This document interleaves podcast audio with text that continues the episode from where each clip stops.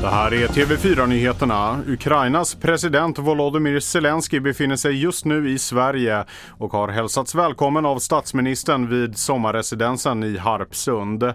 Strax efter klockan två hölls en gemensam presskonferens där Kristersson bland annat var tydlig med att Sverige kommer att stötta ett ukrainskt EU-medlemskap. Never before have we had such a strong focus on supporting one single country. The overarching goal of the strategy is to support Ukraine's integration into the EU.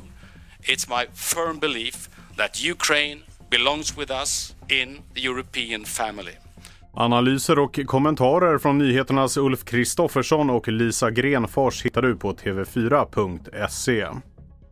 Sverige har säkrat en bronsmedalj i fotbolls-VM. Fridolina Rolfö och Kosovare Asllani såg till att värdnationen Australien spöades med 2-0.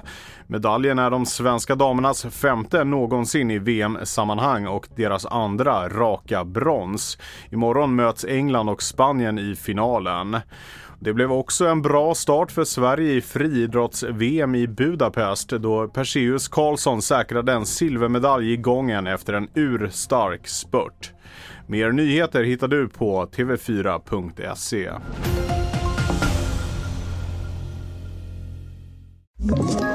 Ett poddtips från Podplay. I fallen jag aldrig glömmer djupdyker Hasse Aro i arbetet bakom några av Sveriges mest uppseendeväckande brottsutredningar går vi in med hemlig telefonavlyssning och, och då upplever vi att vi får en total förändring av hans beteende. Vad är det som händer nu? Vem är det som läcker? Och så säger han att jag är kriminell, jag har varit kriminell i hela mitt liv men att mörda ett barn, där går min gräns.